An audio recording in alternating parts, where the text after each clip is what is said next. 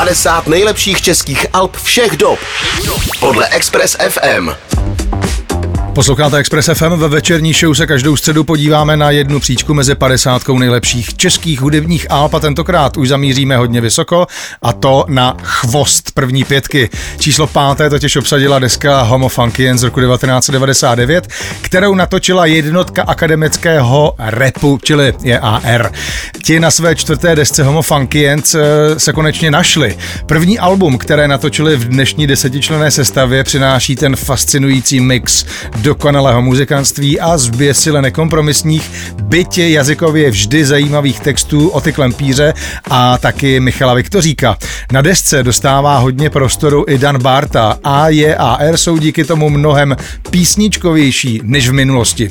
Roman Holý jako producent a hlavní autor hudby pak drží tu své ráznou partu pohromadě svou soustředěnou produkcí a typickým skladatelským rukopisem. Celá nahrávka naprosto suverénně šlape a dodnes zní až nečekaně svěže a je základním kamenem dnešního v podstatě už legendárního statusu kapely. Já v tuhle chvíli už na telefonu vítám Romana Holího. Ahoj Romane. Ahoj. Co tě první napadne, když se řekne Homo Funkians, prosím? No, co mi první napadne je Studio Propad, kde ano. jsme ještě strávili strašně moc času, takže já si myslím, že jsme tam byli opravdu třeba tři měsíce. To byly krásné doby, kdy jsme na to měli peníze, desky se prodávaly, mm. nebyly žádný vypalovačky. Ale jedna věc taková nejzásadnější, kterou si vypaluje člověk, to se mi nikdy předtím ani potom nestalo, že my jsme donutili Petra Jandu, aby tam eh, pořídil tenkrát turbo super moderní nahrávací zařízení, který se jmenovalo Radar. Mm-hmm. A to byl takový počítač v podstatě, který měl ale asi 16 záloh, jo. Yeah. To znamená, že bylo zcela vyloučený, aby se něco ztratilo, nebo prostě 16 záloh za sebou, jo, to dělalo. Britský, britský nástroj, jo. Za milion korun tam za nás vyhodil za to, že nás měl rád. A představ si, že my jsme nahráli celý základy, eh, basa, rytmika, prostě bubny, strašně složitý, celý desky Homo Funkien. A e, přišli jsme jednoho dne do studia a nebyla tam ani jedna nota. Chtěl jsem říct, eh, chyběla 17. záloha. Ale jako to byl takový úlet. Takže si představ, že přijeli nějaký technici z Anglie a ty řekli, to vůbec není možné, to se nám nikdy v životě nestalo. My byli jediná kapela, která prostě ztratila celý ty základy, jak jsme to museli celý natáčet znovu a musím říct, že to vlastně dopadlo pak ještě trošku vlastně líp, no, tak většinou dopadlo, když to nezapomeneš, tak to potom dopadne vlastně ještě trošku líp. No. E, ta deska je velmi ceněná i po těch, jak je to dlouho, 24 let. E, jak ty sám s odstupem času z dnešního pohledu vnímáš tuhle pro vás určitě přelomovou nahrávku? Hele, já se nerad, nerad hodnotím mm-hmm. něco svýho, protože vlastně to, tak mi to připadá trošku jako nevhodný, ale samozřejmě veliká citová vazba tam je a když budu úplně jako upřímnej. Hmm. Myslím si, že to je naše první velká jako opravdická deska, která fakt uh, se jako povedla. Hmm. Já jsem to do té doby tak považoval za takovou jako legraci, ale tady ta deska Homo Funkens měla koncepci, byli jsme zanícený, já jsem do toho strašně šel a všichni myslím. A myslím si, že ta deska je od A do Z jako vlastně velmi povedená, ale to si myslím ale i o těch všech deskách, co byly potom, víš, takže Jasně. hodnotit nějaký umění je vlastně velice, velice legrační.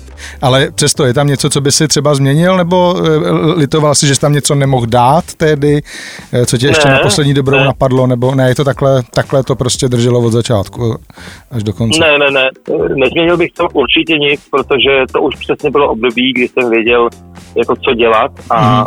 um, point je v tom, že hm, ty, ty věci už nikdo nezmění. To znamená, že ty to musíš odezdat tak, aby si s tím byl prostě na prostý lásce a nadšený protože tam už není potom často nějaký, ježiš, to je takový, to už tam nedal, ne, ne, ne. Já, já, jsem tam, já jsem tam v podstatě jako za každý tón. Perfektní. Jestli si teda, No, určitě, určitě. No, tak to je krásná odpověď. Eh, ty jsi mi víceméně odpověděl eh, na dvě otázky, které jsem měl připravený hned eh, v té první. Jak vzpomínáš na dobu, kdy jste to album nahrávali a kdy vyšlo? A taky na Veselou příhodu jsem se chtěl zeptat, ty jsi mi to respektive, jak ty jsi mi to vlastně podal už v té první. Jo? Petr Janda chudák přišel o záhony a...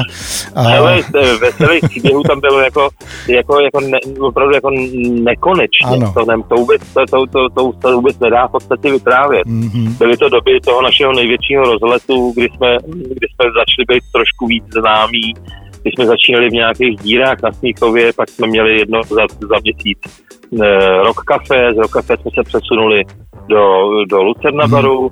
A tady to už je období, kdy jsme měli velkou Lucernu, takže prostě nám se stalo najednou, to jsme nikdo s tím absolutně nepočítal, a, a, a, že jsme najednou byli jako znám, docela známá vlastně kapela, hmm. což se z toho undergroundu z toho začátku vyjevilo, na začátku jako ne, nesmysl, že to jako ne, nejde vůbec.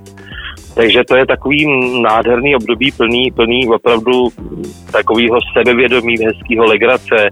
E, ještě jsme nebyli tak starý, unavený, takže jsme byli veli, velice divoký a s tím se samozřejmě máš celá řada nepublikovatelných příhod. No. Ano, to jsem, si, to jsem si myslel, že právě to eh, tam spěje jako k té nepublikovatelnosti.